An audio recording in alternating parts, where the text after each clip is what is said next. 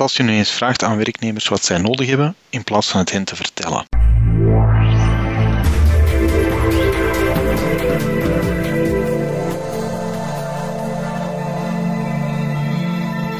Safety Monkey Podcast, Brainbox. Laten we het hebben over work as done versus work as imagined. Het lijken twee abstracte begrippen, maar ze hebben heel praktische implicaties.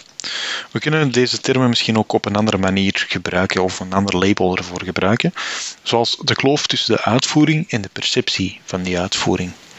Managers geloven aan de ene kant dat werk wordt gedaan volgens de procedures. Iemand bedenkt een procedure of een soort proces om een, om een bepaalde activiteit te doen en betrekt daar de frontline operators niet bij. Dat is work as imagined. Aan de andere kant zijn er de werknemers die zich aanpassen aan de dagdagelijkse realiteit en improviseren om werk gedaan te krijgen. Dat is work as done. Dit soort discrepantie tussen wat we ons voorstellen en wat er zou moeten gebeuren in de praktijk. Dit onderscheid komt van een theoristische vorm van standaardiseren van het werk. En volgens dat principe is er maar één goede manier om het werk uit te voeren en die wordt bepaald door managers en planners. Men begint met het ontwikkelen van regels en voorschriften om te bepalen op welke manier er het op het efficiëntst gewerkt kan worden. Men creëert in feite procedures afzonderlijk van de werknemers en leggen die procedures op aan de werknemers om de taak te voltooien. Checklisten en procedures zijn een bron om het werk te beschrijven en een hulpmiddel bij het structureren van het werk. En ik denk dat we daar fout gaan. Het moment dat we fout lopen is wanneer we procedures gaan gebruiken en checklists gaan behandelen als een soort dictaat van hoe werk letterlijk moet uitgevoerd worden. Variabiliteit is onoverkomelijk en onvermijdelijk. En we kunnen nooit 100% nauwkeurig en betrouwbaar aangeven hoe taken moeten worden uitgevoerd. Probeer maar eens een procedure te schrijven van hoe je naar huis moet rijden. En dat je dan 100% altijd volgt en niets anders dan dat doet.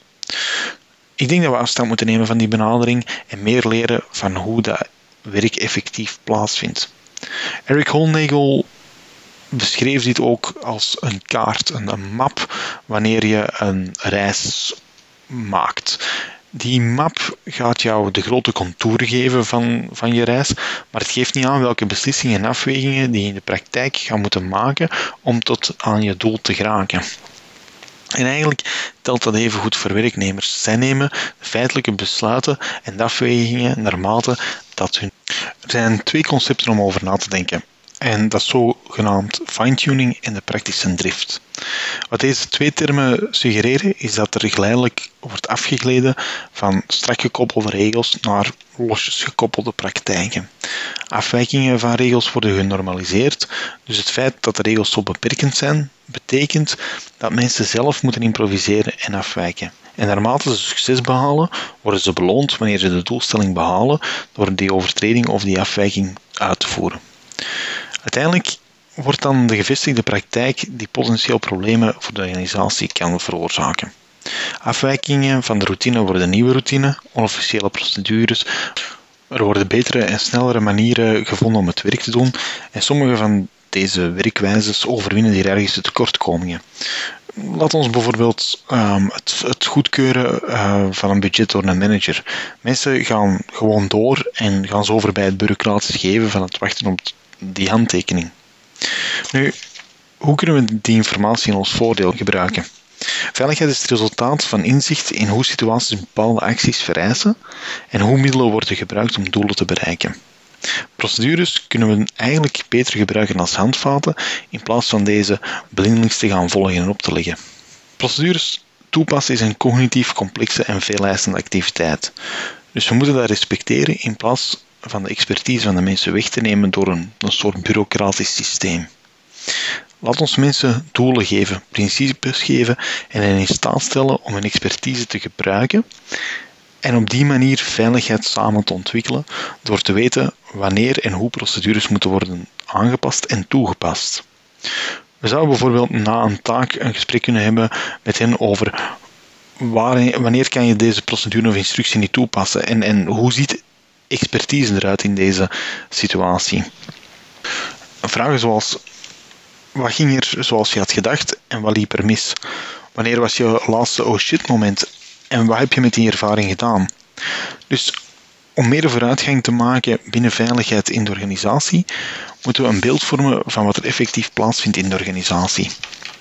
Organisaties moeten mensen trainen en ondersteunen om zich aan te passen en te improviseren wanneer het nodig is. En een praktisch hulpmiddel dat ik jullie wil meegeven is wat ik noem de laatste 10 minuten vergadering.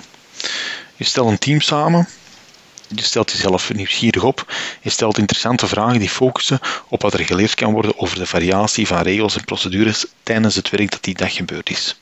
Een paar voorbeeldvragen die je kan stellen zijn: waar moest je improviseren? Welke gevaren zag je en welke heb je gemist? Waarom denk je dat dit het geval is? Welke procedures waren er eigenlijk te moeilijk om toe te passen tijdens het werk? Welk werk is frustrerend of vervelend? Als je één ding zou kunnen veranderen aan veiligheid vandaag, wat zou het zijn? En wanneer kwam jouw expertise van pas om een uitdaging of frustratie of een probleem met een specifieke taak op te lossen? Onthoud dat de focus ligt op nieuwsgierig en verwonderd zijn. Begrijpen hoe mensen werken en wat kan gedaan worden om hun werkervaring te verbeteren. Je kan antwoorden bijvoorbeeld op een post-it laten schrijven en deze op een bord laten plakken als verbetertraject. Dit was het voor vandaag. Vertel het door aan je collega's, je vrienden, abonneer je, blijf nieuwsgierig, stel alles in vraag en tot de volgende podcast.